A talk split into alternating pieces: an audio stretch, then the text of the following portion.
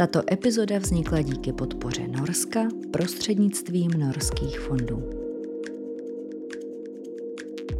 Milí posluchači a diváci vědárny, vítejte u další epizody. Tento díl je součástí série, která se z nějaké strany dotýká tématu pesticidů. A naším dnešním společným hostem je přírodovědec, odborník v oblasti ochrany životního prostředí, který působil ve významných českých i evropských institucích. Aktuálně je poradcem ministra životního prostředí. Vítám v podcastu docenta Ladislava Mika. Dobrý den. Dobrý den.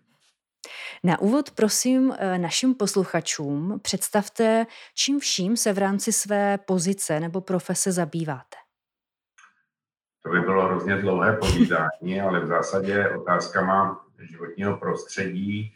Já jsem biolog, půdní biolog, takže tím se zabývám možná v tuhle chvíli nejvíc, eh, ale v zásadě eh, v oblasti ochrany životního prostředí, ochrany biodiverzity a řekněme udržitelného a funkčního hospodaření v krajině. To budou takové ty hlavní věci.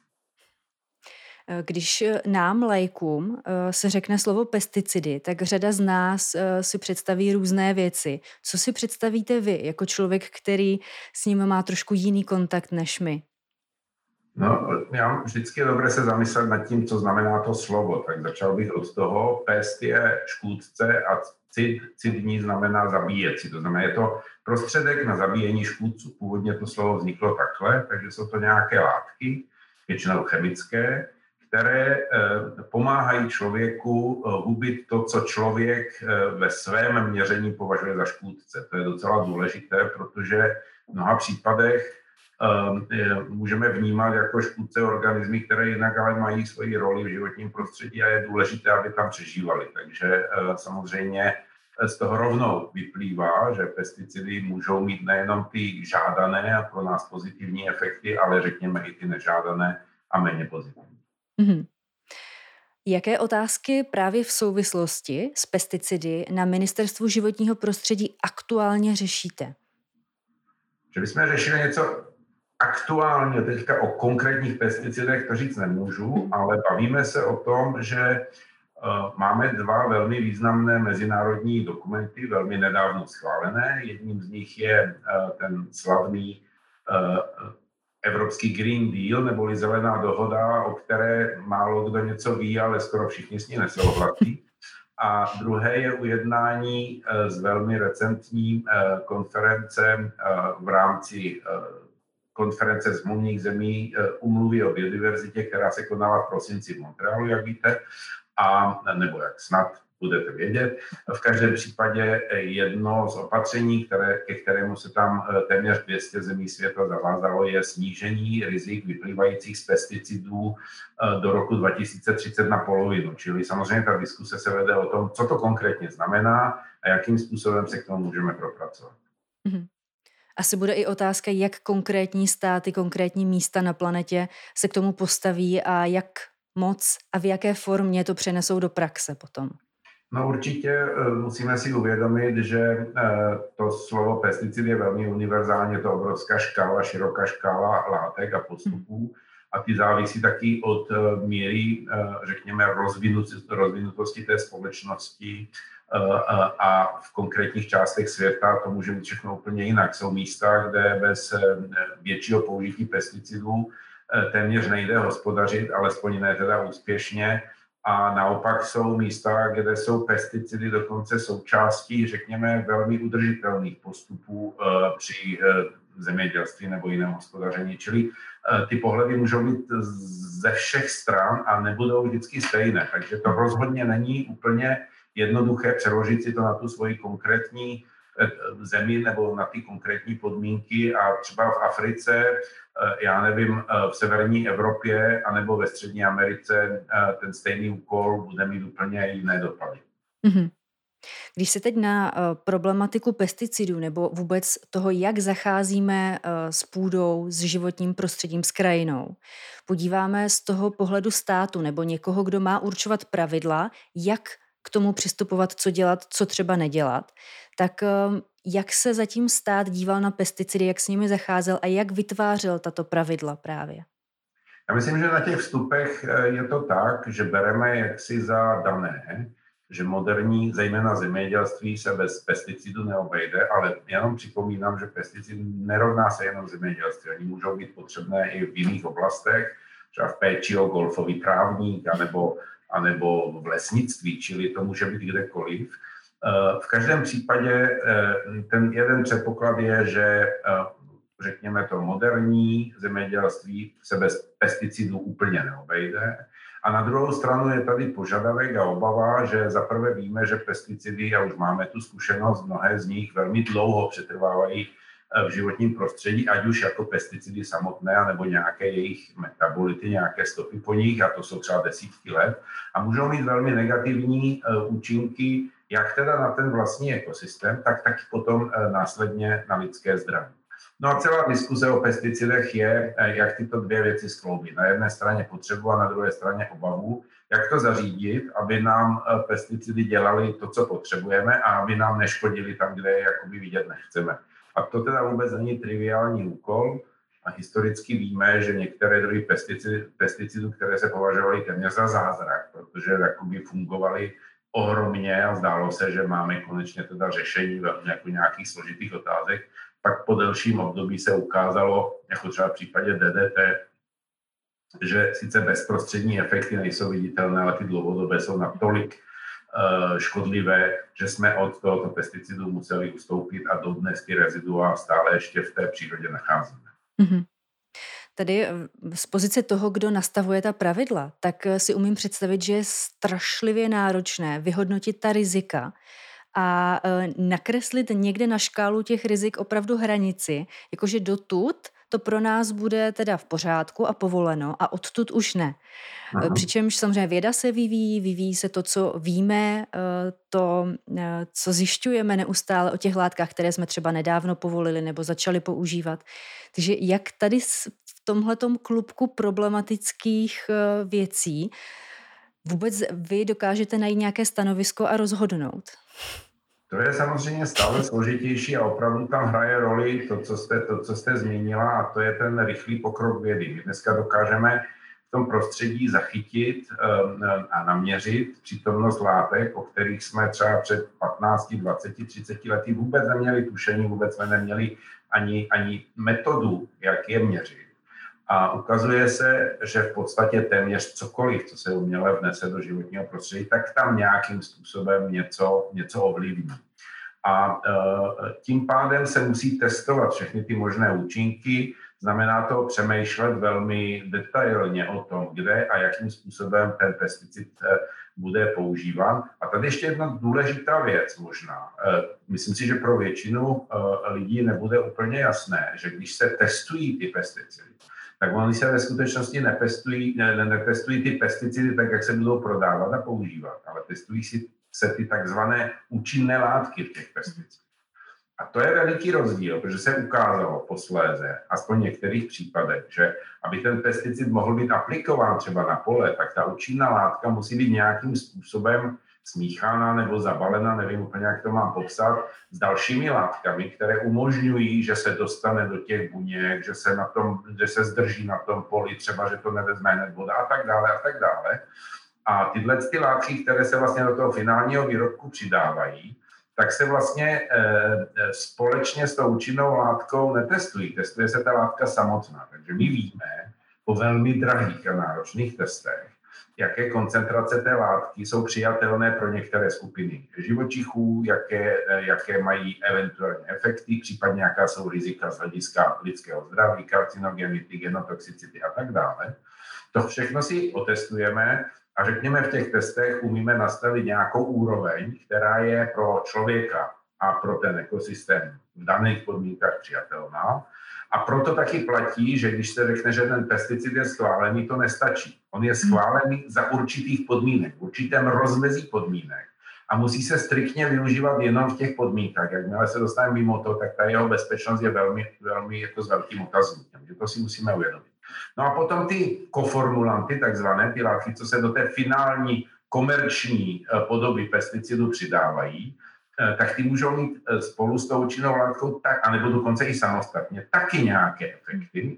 A e, někdy ten negativní jaksi dopad toho pesticidu překvapivě více způsobují právě ty koformulanty než ta aktivní látka.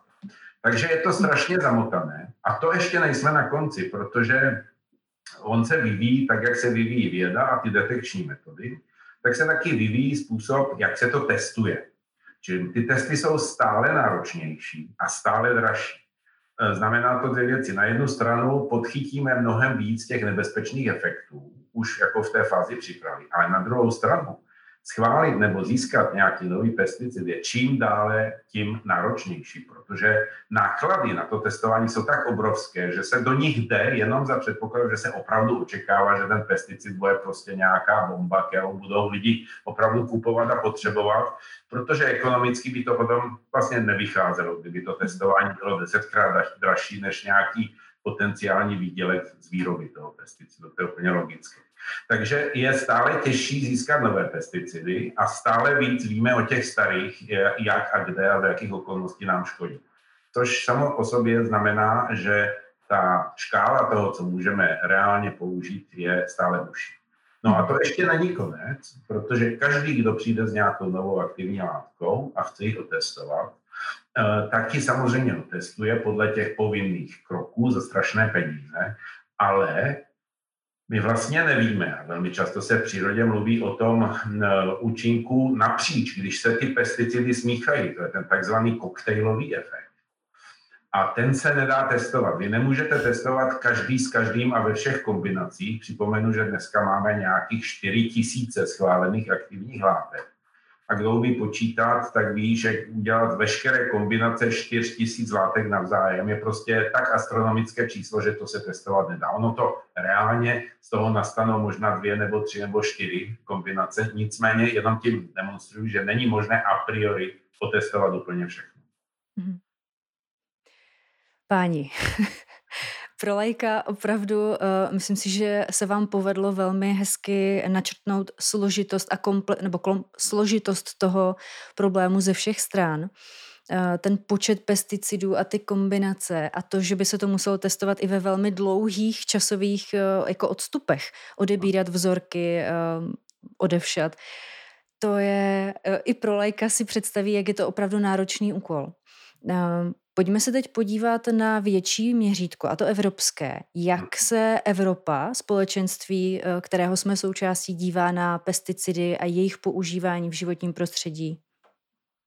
Tam je v podstatě ten pohled podobný a schodný. Eh, a sice nějak ty pesticidy potřebujeme mít a musíme se snažit, aby byly co nejbezpečnější. My máme dvě velké evropské instituce, které jsou do toho zapojené. Na jedné straně je to Evropská agentura pro chemické látky, která testuje ty chemikálie obecně, jakékoliv, ale včetně samozřejmě těch, které vstupují a jsou využívány v pesticidech. A pak máme eh, Evropskou agenturu pro bezpečnost potravin, která má právě na starosti, řekněme, tu vědeckou stránku toho testování a toho prostupu do lidského potravního řetězce a do lidského zdraví. A obě dvě tyto agentury jsou zapojeny do posuzování eh, a do schvalování eh, využití jakéhokoliv pesticidu, to znamená jednak té aktivní látky a pak taky určení, na které konkrétní užití eh, se to nakonec povolí. A jenom, aby měli zase posluchači představu, ta výhoda té evropské spolupráce v tom je, že místo toho, aby každá jednotlivá členská země dávala dohromady nějaký velmi komplexní vědecký ústav, musíte si představit, jak jsem mluvil o tom testování, že tam musíte mít ty nejdražší, nejmodernější mašiny, musíte tam mít experty, specialisty a tak dále. Tohle to všechno, buď to děláte 27krát v každé členské země, jsou to miliardy peněz, anebo naopak se to spojí do těch institucí evropských, kde můžete skoncentrovat za prvé opravdu tu naprostou špičku z hlediska přístrojového vybavení, ale současně taky dát dohromady ty vůbec nejlepší experty, které v Evropě máme. A to je právě ten postup, který volí Evropa.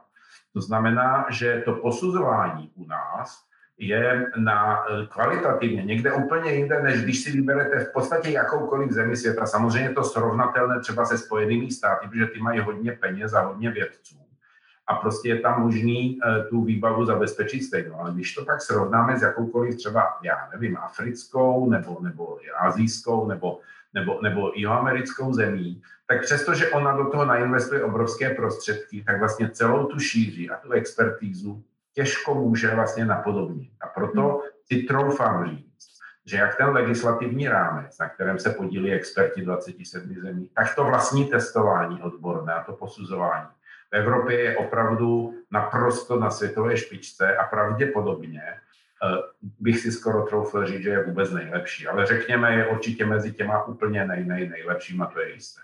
Mm-hmm.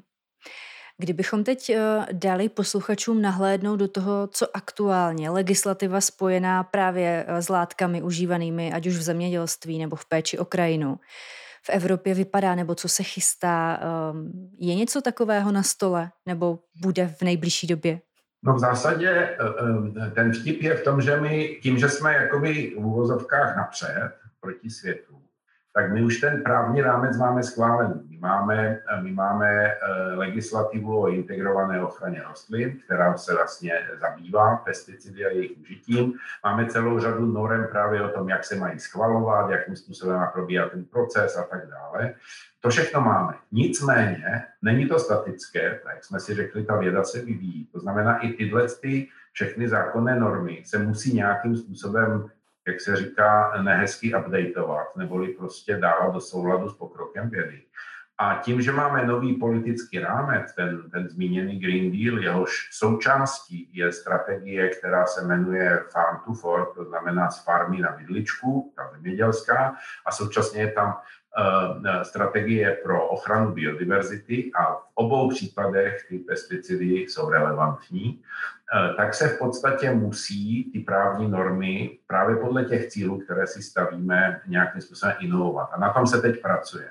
Že to je jedna, jedna oblast. A druhá oblast je, že tím, jak se učíme měřit, že čím dál tím víc eh, poznáváme ty, eh, ty špatné efekty, řekněme, těch chemických pesticidů, no tak se hledají potenciálně alternativní řešení. A já bych je nazval pro jednoduchost biologické pesticidy. To znamená nějaké látky přírodní, eh, které můžou mít podobný efekt, ale mají méně těch negativních efektů, protože to nejsou látky cizorodé životnímu prostředí.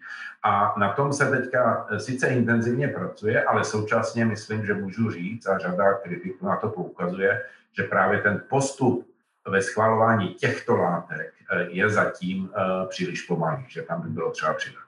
Mm-hmm. Teď by mě zajímalo, nakolik máme u nás v Česku, po případě i v Evropě, jasně definováno, co považujeme za dobrou praxi, která prospívá životnímu prostředí a co považujeme za praxi, kterou nechceme podporovat, protože neprospívá krajině. Máme to mhm. definováno? No v teoretické rovině bych řekl, že máme. Eh, horší je to potom v tom překladu do té, do té reálné praxe. Eh, vysvětlím to. Já jsem zmínil, že ten zákon se nemenuje zákon o pesticidech, a jmenuje se to zákon o integrované ochraně rostlin.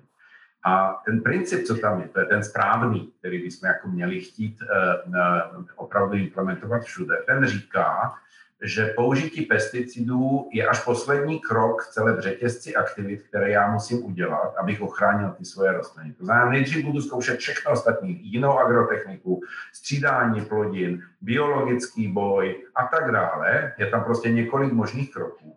A teprve, když tohle všechno selže, tak si a vyhodnotím si, že ta nákaza tím škůdcem eh, je zásadní pro ten výsledek, tak teprve v tomhle momentě bych měl začít uvažovat o používání pesticidů. Eh, co je běžná praxe, naopak, eh, zejména v tom průmyslovém zemědělství, je, že se to dělá v úvozovkách takzvaně preventivně, čili se nečeká, nevyhodnocuje, jak se to bude vyvíjet, ale se to prostě postříká dopředu, protože pak vlastně máme ten výsledek, co se týče alespoň úrody na konci, relativně jistý, pokud teda nepřijde mráz nebo něco takového. No a vlastně to prosazení toho principu integrované ochrany, to znamená, že nejdřív dělám všechno ostatní, co můžu, bez toho, abych tu chemickou látku použil, a teprve na tom samém konci, jako ta, ta, ta, ta záchranná brzda na konci bude ten pesticid, um, to je ten správný postup. Čili odpověď je, my ho známe, ale nevyužívá se dostatečně tak, jak by se mohla měl. Mm-hmm. To mě přivádí k další fázi otázky, a to teda odměny té dobré praxe. A naopak, jak se můžeme snažit teď nevím, jaké sloveso použít, možná vykořenit tu hmm. praxi, která opravdu jako je škodlivá, anebo zbytečně si ulehčuje práci, jak jste říkal, tou preventivní aplikací, která hmm. vůbec není nutná. Tak eh, co k těm odměnám? Jak to můžeme nastavit, nebo jak to máme nastaveno?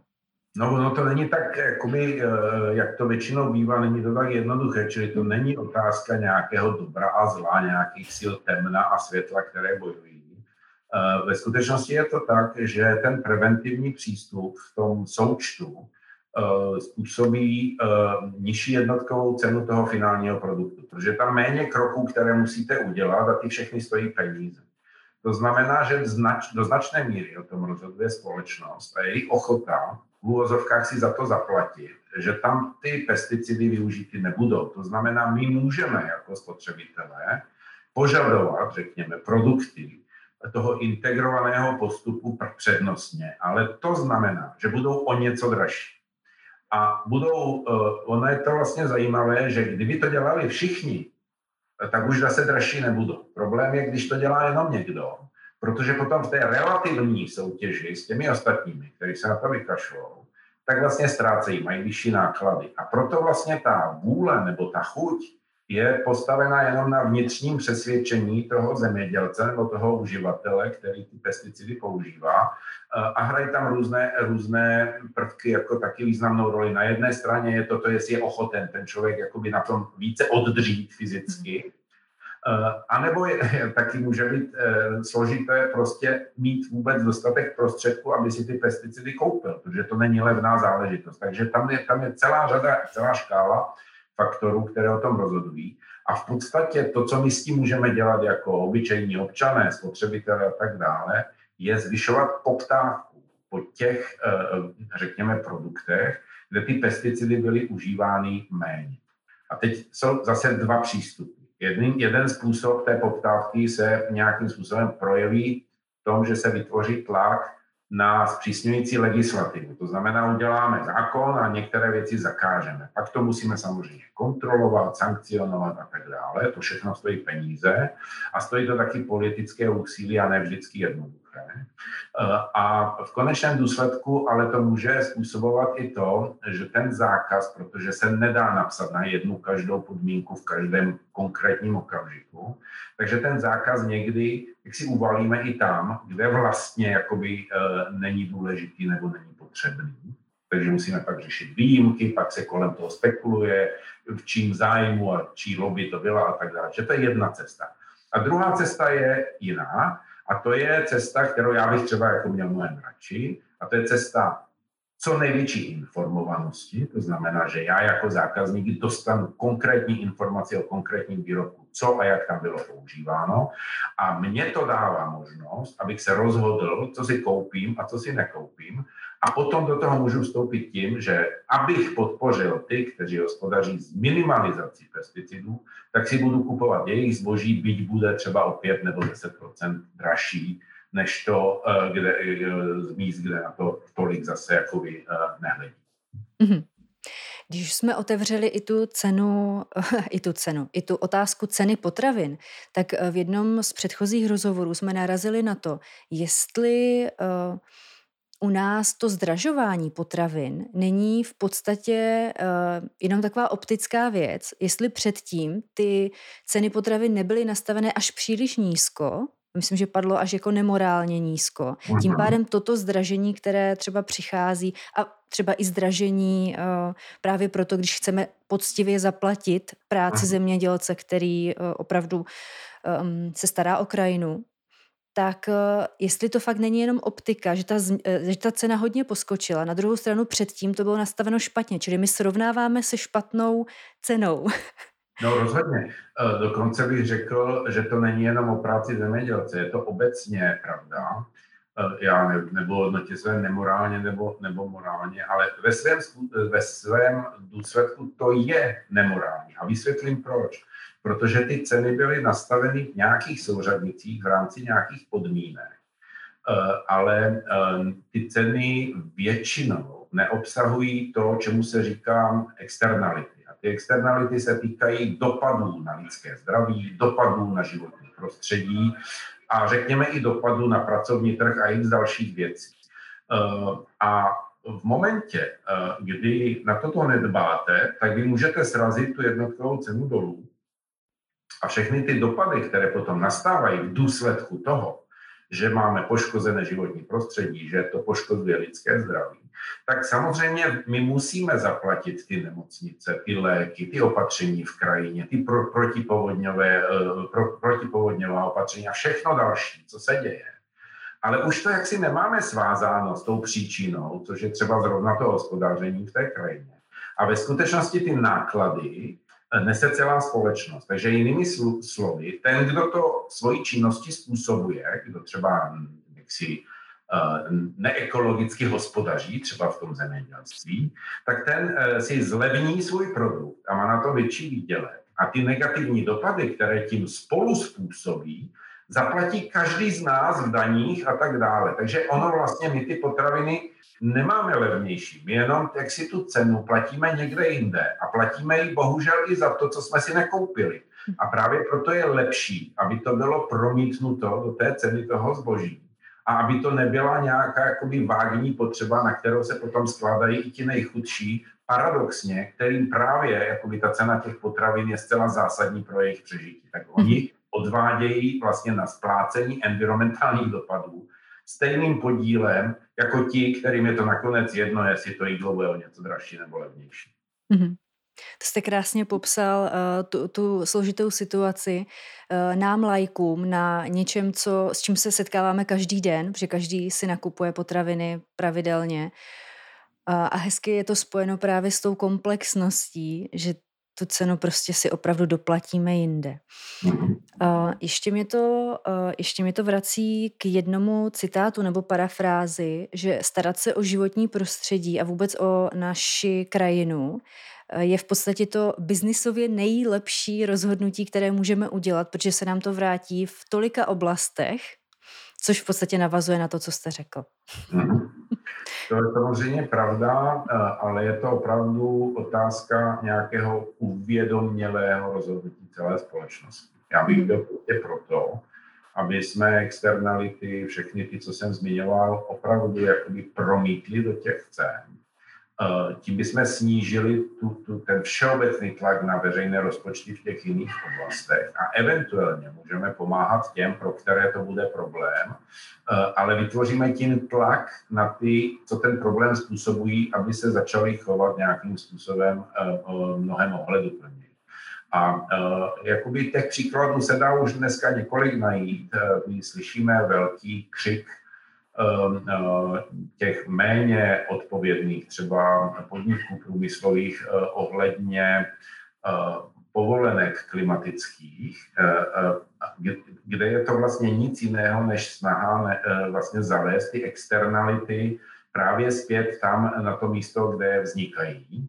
To znamená, ty dopady potom platí ten, kdo je způsobuje. A to samozřejmě vede k tomu, že buď teda křičí a snaží se to obejít, anebo se začne chovat tak, aby ten problém nespůsoboval a celé si to zlevnil. A to potom v konečném dopadu je dobře pro nás, pro všechny. Mm-hmm. A tenhle princip by se mohl zavést všude, ale není to prostě jednoduchá věc a nejde to ze dne na den, to je samozřejmě jasné. A především to nejde dělat lokálně a to je ta důležitá věc. Dostáváme se na tu evropskou nebo globální úroveň. Pokud bychom my sami sebe přetransformovali do toho nového pohledu. A teď bychom začali vyrábět všechno zboží jakoby jednotkově na tom trhu porovnatelně o něco dražší. Tak sice si ušetříme jakoby ty uh, dopady, možná částečně, ale pokud všichni ostatní to dělat nebudou, tak my v té konkurenci zhyneme a oni nás převálcují a celé to úsilí jasně k ničemu. Čili to je ta slabina toho přístupu, že my musíme nejdřív se dohodnout, že to budeme dělat všichni, a potom to může fungovat. A dokud se nám to nepodaří, tak můžeme dělat nějaké dílčí kroky, ale těžko se k tomu dostaneme nějakým vlastním rozhodnutím. Mm-hmm. Dalo by se nějak úplně zjednodušeně v bodech popsat, uh, jaké kroky je třeba tedy udělat, aby se ta situace celková pro nás všechny uh, mohla začít zlepšovat, bez čeho se neobejdeme? Já, já říkám, vlastně ta odpověď je strašně jednoduchá a spočívá v tom, co tady zrovna děláme. To znamená, je to poskytnout lidem informace pro jejich vlastní rozhodnutí a vytvořit politickou poptávku. Jinými slovy, lidé to musí začít od těch politiků chtít. A pak se ta věc stane. To je v podstatě skoro jisté. V momentě, kdy můj voličský volební hlas uh, bude záviset od toho, jestli ten politik chce nebo nechce v tom řešení tímhle směrem něco udělat. A pokud nebudu sám, nebo na nebude pět, ale bude to většina národa, no tak výsledkem bude, že ta věc se prostě pohne a stane se. A tohle to se musí odehrát víceméně plošně třeba v celé Evropě a tak dále. A právě proto mi připadá strašně důležité, aby jsme se bavili třeba o obsahu těch policy, to znamená těch, těch dokumentů, co stanoví jednotlivé politiky zemědělskou, ochranářskou a další, hospodářskou, energetickou, aby jsme se bavili o tom obsahu a proč ty věci jsou navrhovány tím či oním způsobem a co to pro mě znamená, aby jsme potom mohli reálně posoudit nejenom to, že zítra budu mít párek o 10% dražší, ale i to, jestli v konečném součtu eh, já budu mít ty náklady na svůj život vyšší nebo nižší a jestli mám perspektivu toho života zdravějšího, nebo naopak můžu očekávat, eh, eh, že to nebude zase tak velká sláva.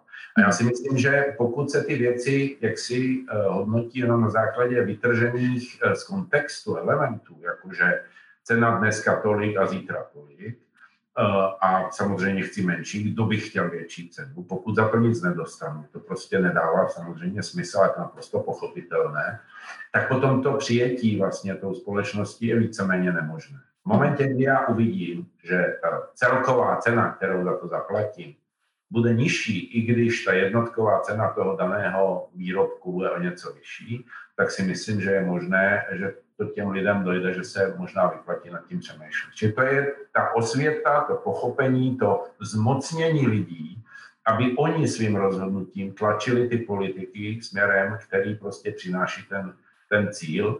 To znamená, a já tomu říkám jedním slovem, musíme to jako společnost opravdu chtít. A mhm. opravdu chtít znamená, že je to pro mě rozhodující v tom, koho si vyberu, aby to řešil. Mm-hmm. To jste krásně uh, popsal tu poptávku lajků po smysluplnosti. Uh, když chápeme, proč to dává smysl, to, co se navrhuje nebo to, co se zavádí, je mnohem větší šance, že budeme ochotni to udělat. A konec konců to vidíme ve spoustě oblastí, ať už jde uh, o pomoc uh, zasaženým uh, lidem zasaženým válkou nebo nějakou katastrofou, což v Česku, přestože v médiích to někdy vypadá, že pořád jenom reptáme, na něco si stěžujeme, tak naopak v Česku ta čísla darů a ochoty pomoci i věcné jsou veliká. Vždycky mě to naplní radostí a hrdostí. Uh-huh. No, když si vezmete, já, já mám rád jeden příklad, který dost často používám, který trošku ilustruje vlastně, o čem se tady bavíme. Eh, a to jsou různé eh, marketingové a slevové akce, které se týkají potravin. Jo? Čím víc musíme vyrobit potravin, tam je skoro rovnítko, tím větší dopady na životní prostředí můžeme očekávat. Víc pesticidů, víc zásahů do půdy, víc pojezdů aut, protože se to musí transportovat, víc potřeby energie, protože se to musí někde udržovat a tak dále. A teď si, teď si to promítněme do situace. Jsem doma sám, nemám rodinu, mám hlad, vyrazím do supermarketu a chci si koupit třeba kotletu, udělám si večeři kotletu. Teď přijdu do obchodu a zjistím v té běžné samoobsluze, možná vlastně ne, ale v té běžné samoobsluze zjistím, že nejmenší balení kotlet jsou dva kusy a ne jeden. Byť jsem chtěl jeden, tak nemám jinou možnost, než si vzít dva. No a ty dva samozřejmě uh, stojí o něco víc, tak si řeknu, no tak OK, tak to přežiju, tak si dám tu kotletu i zítra, budu mít ho dvakrát, co se dá dělat. No a teď přijdu k tomu regálu a tam mám obrovský nápis akce a na té akci je napsáno uh, kup dvě, zaplatí jednu. Tak si říkám, no tak samozřejmě bych byl blázen, když je taková sleva, tak si vezmu dvě a teďka si to popíšme takhle. Šel jsem do obchodu s tím, že mám hlad chci jednu kotletu a vracím se domů a mám čtyři. A teď jsem sám. A teď doma si teda udělám tu jednu, druhý den si udělám tu druhou a to už jako si říkám přece nebudu celý týden místo samý, tak to vrazím někam do mražáku anebo to zapomenu v ledničce, tam se mi to skazí dřív. V mražáku to eventuálně půl roku vydrží, A většinou si na to už potom nevzpomenu, že tam tu kotletu mám, anebo možná si vzpomenu za půl roku, ale už to je teda ani čerstvé, ani kvalitní, nějak to teda spotřebuju. Ale velmi často se stane, že si pak přečtu nebo poslechnu v televizi, že maso nemá být víc než půl roku na žáku a já po roce zjistím, že tam mám dvě kotlety, tak je dám. V lepším případě psovi, horším je výhodí. A teďka my jsme na ty tři kotlety navíc všechny ty věci, které škodí tomu našemu životnímu prostředí, museli udělat. Čili jsme vlastně pro tu jednu moji objektivně kotletu, kterou jsem potřeboval, my jsme ze čtyřnásobili ten dopad na to životní prostředí celým tímhle tím systémem, jak to je nastavené. No a ta otázka je, proč to potřebujeme dělat takhle. Samozřejmě, že my můžeme mít tu kotletu dražší, ale v konečném důsledku nezaplatím dvě a nedostanu čtyři, ale zaplatím jenom jednu. Takže v konečném důsledku nevýhodím a zaplatím jenom to, co opravdu spotřebuju. I když ta jednotková cena bude o něco vyšší, tak moje náklady osobní na to budou nižší, než v hmm. případě, že půlku toho, co jsem koupil, vyhodím. Naprosto krásně názorný příklad z praxe. Je to tak. Eh, ještě se vrátím na chvilinku k tomu, jak jste mluvil o tom tlaku ze spoda, od nás, voličů, občanů.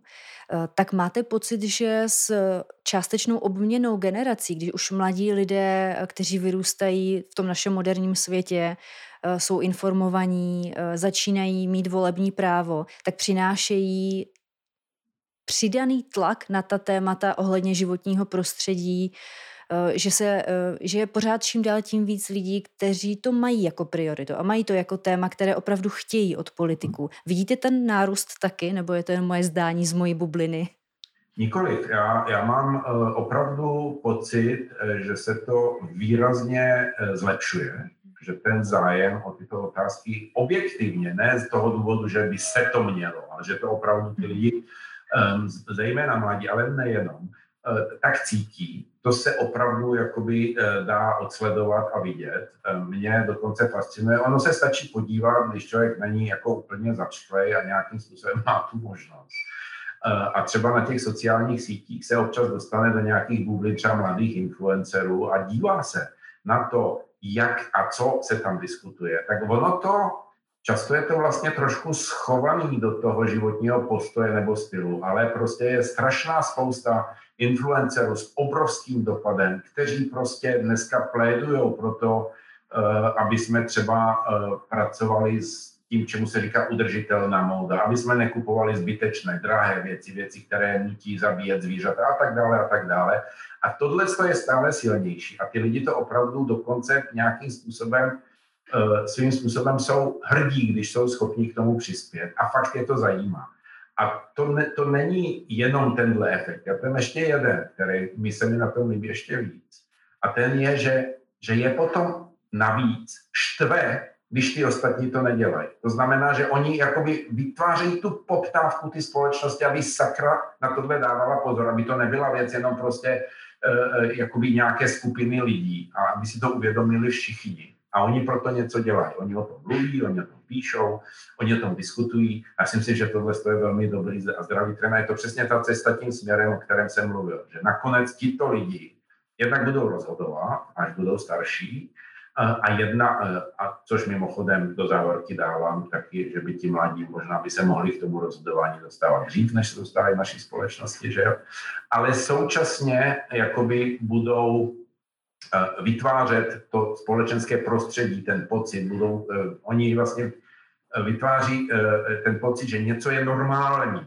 Tak jako ty kampaně, které vedly třeba proti kouření, tak jako tam, tam byl ten slogan nekouřit je normální. A teprve, když tohle přijmeme za svoje, tak ta optika společenská se najednou otočí a pak si řekneme, no vlastně jako proč bychom měli něčemu takovému ustupovat. To není normální. Jo? A tohle se dá samozřejmě dosáhnout u zdravých potravin, tohle se dá dosáhnout u, tom, u, toho, jakým způsobem uh, my ovplyvňujeme nebo jak vstupujeme do krajiny a co s ní děláme. Uh, konec konců každý, komu se narodí dítě, mladé rodiny, ví, jaký je to rozdíl prostě jít s tím kočárkem někde aleji, kde zpívají ptáci, bzučí včely a lítají možná třeba ti slavní motýly, anebo když jdete přes nějaký pole, kde vám vrčí traktor a kolem projíždí někdo a stříká pesticidama zrovna řepku. Že jo? Takže uh, tohle není třeba moc vysvětlovat, je přece každému srozumitelný, co je asi lepší. Mm-hmm jak jste mluvil o těch eh, vzorech a o tom přirozeném eh, přenastavování toho, co je normální, tak jsem si ještě vybavila několik příkladů z mého okolí, kdy právě ti mladí lidé, tím, jak přenastavovali svoje chování, tak eh, vnášeli toto téma i třeba ehm, do generace svých rodičů nebo prarodičů přirozeně, bez nějakého teď mi nenapadá lepší slovo než jako hejtu nebo bez, bez, nějaké, bez nějakého konfliktu. Aha. A řada těch lidí potom změnila částečně i svoje chování nebo svůj přístup, ať už k potravinám, k masu. Um, a bylo to všechno eh, na bázi koncenzu a přirozené změny a rozhodnutí těch lidí. Neměli pocit, že jenom následují slepě nějaké nařízení, ale opravdu si to pro, procítili a sami uh, se rozhodli to udělat. A to mi přišlo úplně úžasné. Vždycky, když poslouchám nějaký takový případ, tak jsem nadšená. No, rozhodně, rozhodně. To je, to je samozřejmě zcela přirozené. Eh, já to řeknu takhle, já když jdu navštívit svoji maminku, tak ona se snaží, jak si eh, mi připravit třeba to pohoštění podle toho, co si myslí, že mám rád a co mi bude chutnat. Že jo? A to znamená, když bude mít pocit, že to nedám bez třech stejků za den, no tak mi je udělá. A vůbec nad tím nepřemýšlí, jako jestli to je dobře nebo špatně, prostě chce pro tu svoji rodinu, pro to svoje dítě připravit to nejlepší. Ale v momentě, kdy bude vědět a ví, nebo prostě to zažila, ne, že bych já byl zrovna vegetarián, ale prostě když někdo přijde a řekne, já nejím houby, já nemám rád zelí, já nemám rád maso, no tak to bude dělat tak, eh, aby zase udělala tu radost. Že? A, a, a to, to je, tam, ten, tam, tam není žádný hejt, to je prostě jenom normální snaha jakoby udělat to nejlepší pro, tě, pro ty svý lidi. A samozřejmě to nastavení, těch starších generací se liší od toho našeho a to si musíme uvědomit a málo kdo si to uvědomí, že naši prarodiče při nejmenším ještě zažili válku a poválečná léta, kdy nebylo máslo, nebyl cukr, nebylo maso, bylo vlastně strašně málo věcí a bylo problematické se nějak rozumně vystravovat. A celý ten systém se nastavil na to, aby ty věci co nejvíc chyběly v těch dobách nouze, tak aby byly měřítkem blahobytu. Čili to, kolikrát za den máme maso, kolik máme másla, jak moc si můžeme dovolit sladkostí, to bylo měřítkem toho, že jsme se dostali z té mizérie do něčeho lepšího a takhle je to zakořeněný jakoby v těch hlavách těch lidí. Takže oni nám samozřejmě nechtějí škodit tím cukrem ani tím masem. Oni to vnímají, že to je to, za co jsme bojovali, aby po té válce konečně bylo. A tohle si mnohdy dneska neuvědomujeme, tak my žijeme v tom kliše, že tohle se musí nějak jakoby násobit a musí to být stále víc a víc, aby to bylo dobře. Jo? A právě proto, když ty mladí přijdou a řeknou, ne, ne, ne, ta naše metrika je jiná. Pro mě je důležitější mít jako, já nevím, víc ryb a zeleniny a ovoce a jako maso, jako by fajn, eh, jako přežiju to, ale není to to, podle čeho budu měřit, jestli jsem spokojen nebo šťastný na tomhle světě, no tak to může přenastavit to chování a uh, chce to jenom prostě si přiznat uh, tu logiku toho, jak se to vyvinulo. A není na tom nic špatného, protože ono je pro mnoho lidí hrozně těžké jakoby popřít svůj vlastní život. Když já jsem se celý život snažil, uh, aby, já nevím, jsme měli v obchodech víc masa, tak se mi hrozně těžko poslouchá o tom, že maso je špatný a máme ho zrušit. To je prostě, musíte popřít, jakoby úplně logiku celého svého života za dlouhou dobu. Takže musíme mít pochopení i takhle směrem zpět a v té transformaci je potřeba tyhle ty věci vydiskutovat a vysvětlit a neříct jako, že maso je špatně. Protože prostě eh, v každé té fázi vývoje té společnosti se na to ale dělo jinak ale můžeme říct, že dnes už víme, že to maso způsobuje tyhle a tyhle a tyhle problémy. A ty problémy jsou špatně, tak se snažíme jim předejít tím, že třeba toho masa, ne že bychom ho zlikvidovali, ale budeme ho spotřebovat méně. A tohle jsou už je mnohem přijatelnější. Já si myslím, že místo těch radikálních černobílých ano, ne, by bylo lepší, aby jsme si řekli, jaká je vlastně struktura toho problému. Hmm. A to potom vede k tomu porozumění a k tomu posunu před mnohem jednoduše. Hmm.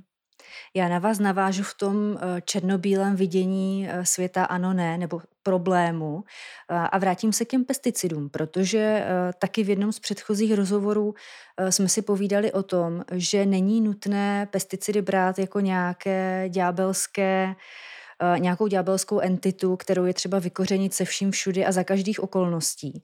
Ale třeba v krajině, o kterou lépe pečujeme, má větší uh, strukturovanost, je tam více života, má větší odolnost díky tomu, tak uh, i s těmi pesticidy, které bychom používali, by se vypořádávala ta krajina mnohem lépe a přestaly by být problémem. Čili zase nějaké komplexní vidění toho problému. Jednoznačně podepisuju, já jsem často dotazován jako půdní biolog, co říkám tomu, že půdním breberkám přece musí ty chemikálie škodit. Mm-hmm. A dost často zaskočím lidi svoji odpovědi, když řeknu ano, v současných podmínkách jim to škodí hrozně. Ale ten vtip je v tom, že existuje něco, čemu se říká kombinovaný stres. To znamená, jestli vás prostě bude mlátit někdo ze všech stran, tu chemicky, tu mechanicky, tu jinak, tu změnou klimatu. Prostě vy způsobíte těch stresů najednou v stejném čase strašně moc, tak ty organismy už to tak jako sotva dávaly. A když jim pak nasypete na hlavu tu chemikálii, tak to prostě ta poslední pověstná kapka a, a prostě ten systém kolabuje. Či ano, v takovéhle situaci je to obrovský problém. V momentě ale, když ten kombinovaný stres je prostě o několik řádů nižší, tak za prvé ty vnitřní schopnosti toho systému se bránit třeba těm škůdcům jsou mnohem lepší. To je stejný jako dneska takové, je to smutné téma, ale řeknu to, kdo umírá a umíral nejvíc na chřipky a na covidy, lidi, kteří byli takzvaně polymorbidní, to znamená měli několik zdravotních problémů. A s těma lékama a s tou péčí a tak dále to nějak dávali a do toho přišel ten covid a to bylo to, co je vlastně dorazilo. A takhle stejně úplně přesně to funguje i v té přírodě s těmi negativními tlaky na ten systém, a potom pak, když je ten pesticid tou poslední kapkou, tak to samozřejmě taky zavaruje. V momentě, když budu zdravý, plný života, budu mít, tak prostě nějaká jedna z těchto věcí, s tím jsem schopný se vypořádat. Neříkám, že nutně je to prostě něco, co bychom vítali v životě, nebo co by mělo pozitivní efekt, ale prostě jsme schopni to zvládnout a prostě e, jsme v pohodě. Jo? A tenhle princip si stačí uvědomit a zase prostě víme, že v některých ohledech se pravděpodobně opravdu těm pesticidům nevyhneme. Mimochodem, eh, když už jsme u těch pesticidů, lidi si většinou představí nějaký prostě příšerný organofosfát nebo něco takového, prostě se nasype na něco a úplně jakoby eh, ty škůdci se jako vypaří do vzduchu nebo se škvaří. Ale svým způsobem můžeme říct, že pesticid je třeba, třeba obyčejná kuchyňská sůl. My jsme kdysi nasolovali maso, aby se neskazilo to skažení způsobují bakterie nebo kvasinky, což jsou ty škůdci, které my tou solí zabijeme, takže sůl v tomto smyslu je vlastně pesticidem. Řekli bychom kvůli tomu, že nebudeme solit, jo? Čili musíme si představit, že pesticidy to je velmi široká škála látek a některé pro tu přírodu jsou v podstatě zvládnutelné a přijatelné, ale když se v dané situaci použijí, tak nám můžou pomoct. Mm-hmm. Proč podle vás bychom se jako společnost nebo jako každý z posluchačů, kteří nás teď poslouchají, měli zabývat tématem pesticidu? Ne- neměli bychom ho uh, schrnovat ze stolu s tím, že není důležité? Proč bychom se jim měli zabývat? Tak určitě to klíčové je, že to má dopady jak na krajinu, tak na zdraví. A zase to všechno, co tady říkám, tak neříkám jako obhajobu pesticidů, ale spíš jako, řekněme, nějaké vykolíkování toho pole, na, na, na základě kterého budeme o těch pesticidech uvažovat. To všechno musíme vědět. A potom ale stále platí, že čím jich bude mít, čím jich bude potřeba mít, a když bude menší potřeba, bude menší taky použití, tím pro nás lépe. O tom vlastně vůbec není pochyb. Jo? A měli bychom to dělat z toho důvodu, že existují samozřejmě nějaké automatické mechanismy, které to tlačí opačným směrem. Uh, ono je to vlastně uh, třeba biznisově ohromně zajímavé říct, podívejte se, máte jakékoliv problémy na vašem poli se škůdci, my přijdeme, dáme vám zázračný prášek a máte po problémech. Hmm. A teďka tam je celý ten marketing, ušetříte práci, energii, stroje, stačí to posypat, všechno bude OK a tady máte audit, že za půl roku jako tam nejsou žádný rezidua a můžete to spokojeně jíst.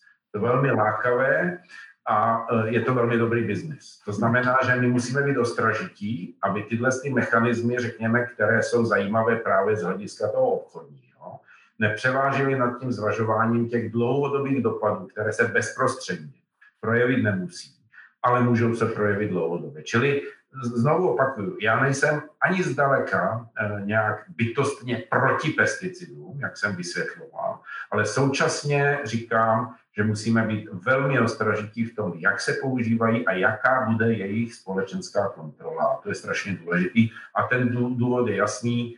Eh, dvě základní větve, jedna je lidské zdraví a druhá je zdraví, řekněme, našich ekosystémů, naší přírody. To jsou dvě věci, které jsou v tomhle velmi zásadně důležité. Mm-hmm.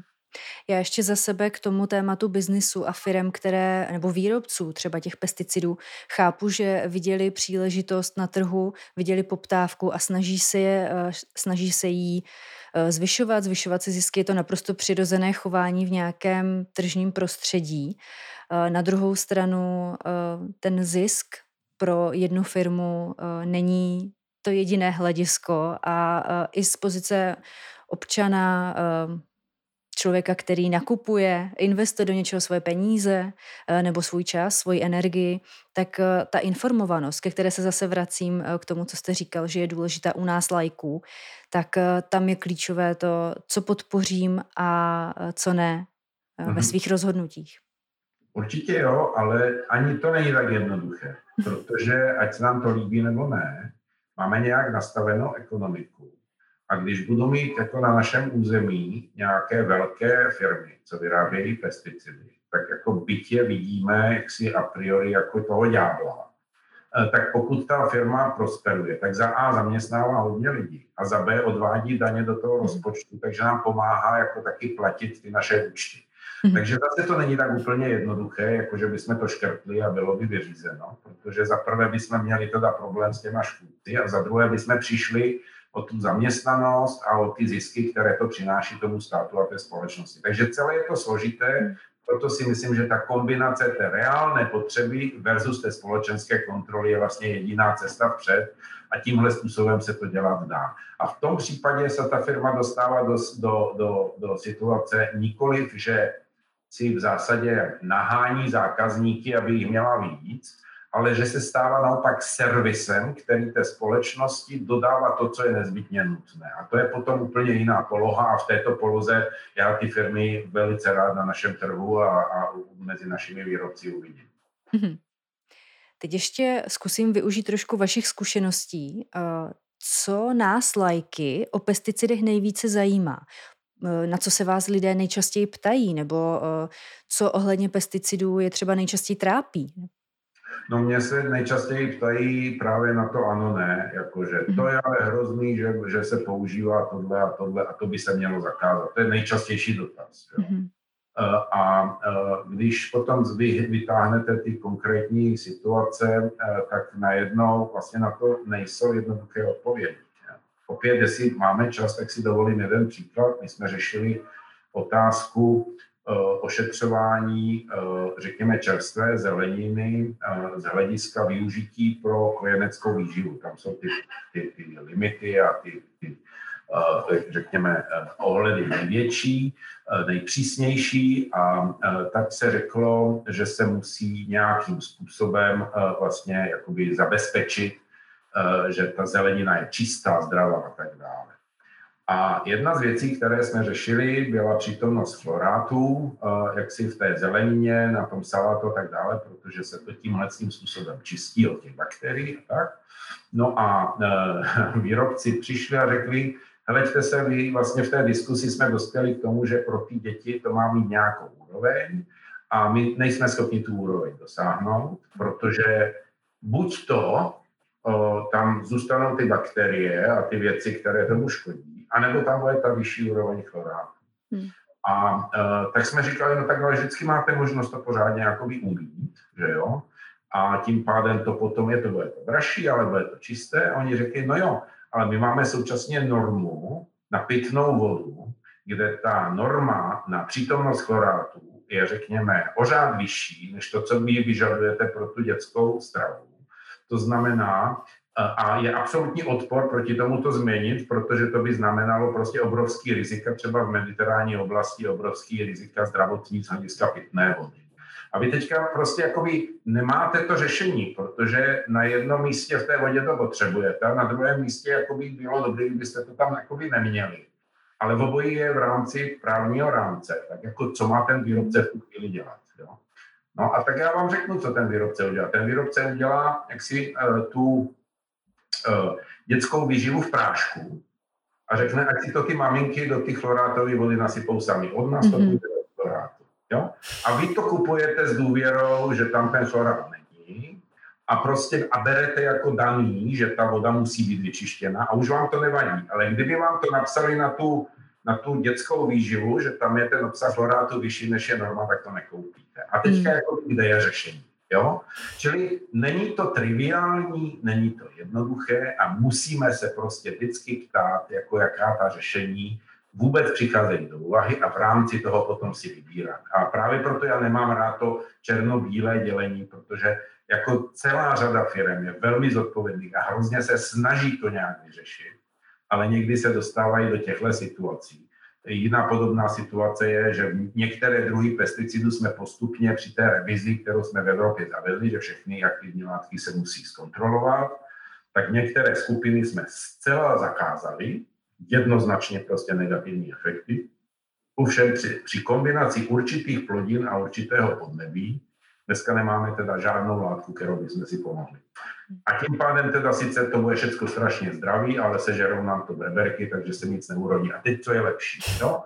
Čili uh, uh, musíme si stále být vědomi, že tyhle věci jsou provázané a že prostě černobílý pohled jako moc nepomáhá. Na druhou stranu jsou věci, kde je to jasné, a kde je to věc biznisu a marketingu. Zmíním například využívání glyfosátu, který je takový populární pesticid, jak jsou proti tomu demonstrace a tak dále. Kdyby byl používán tak, jak byl určen, versus tak, jak je používán, tak jsme někde úplně jinde. Ale ty obrovské nárůsty spotřeby glyfosátu se v podstatě jakoby spojí nikoli s jeho použitím jako pesticidem, ale s jeho použitím jako desikantem. To znamená, aby jsme mohli sebrat úrodu v určitou chvíli, kdy nemáme bahno na poli, tak tam nalejeme glyfosát, ta kukuřice vyschne a můžeme to sklidit. Takže si spoustu problémů už ušetříme, ale ten glyfosát nebyl použit na to, aby bojoval se škůdcem. Ten byl použit úplně jiného účelu a tím pádem byl použit plošně a tím pádem se ho používal mnohem víc, než kdyby bylo třeba zasahovat proti škůdcovi. A takovýhle fint a problémů tam máme v tom celém procesu strašně moc. A tohle je věc, která by se měla řešit. Mm-hmm. Já na závěr našeho rozhovoru vás eh, nebudu prosit o odhad budoucího vývoje, naopak eh, se zeptám na vaše osobní přání. Jak byste si přál, aby se situace s pesticidy u nás eh, vyvíjela dál? Ten nejlepší možný scénář podle vás? Já bych si přál především, aby jsme úplně změnili strukturu výroby potravin, protože to by znamenalo zásadní změnu v naší krajině a s tou změnou bych automaticky jako vedlejší produkt, aniž bychom to museli tlačit, přišlo výrazné snížení potřeby použití chemických látek proti škůdcům. To znamená, že ta spotřeba pesticidů by šla dolů Ehm, bez toho, aby jsme to museli zakazovat. To si myslím, že to je úplně nejlepší, co by se nám mohlo stát.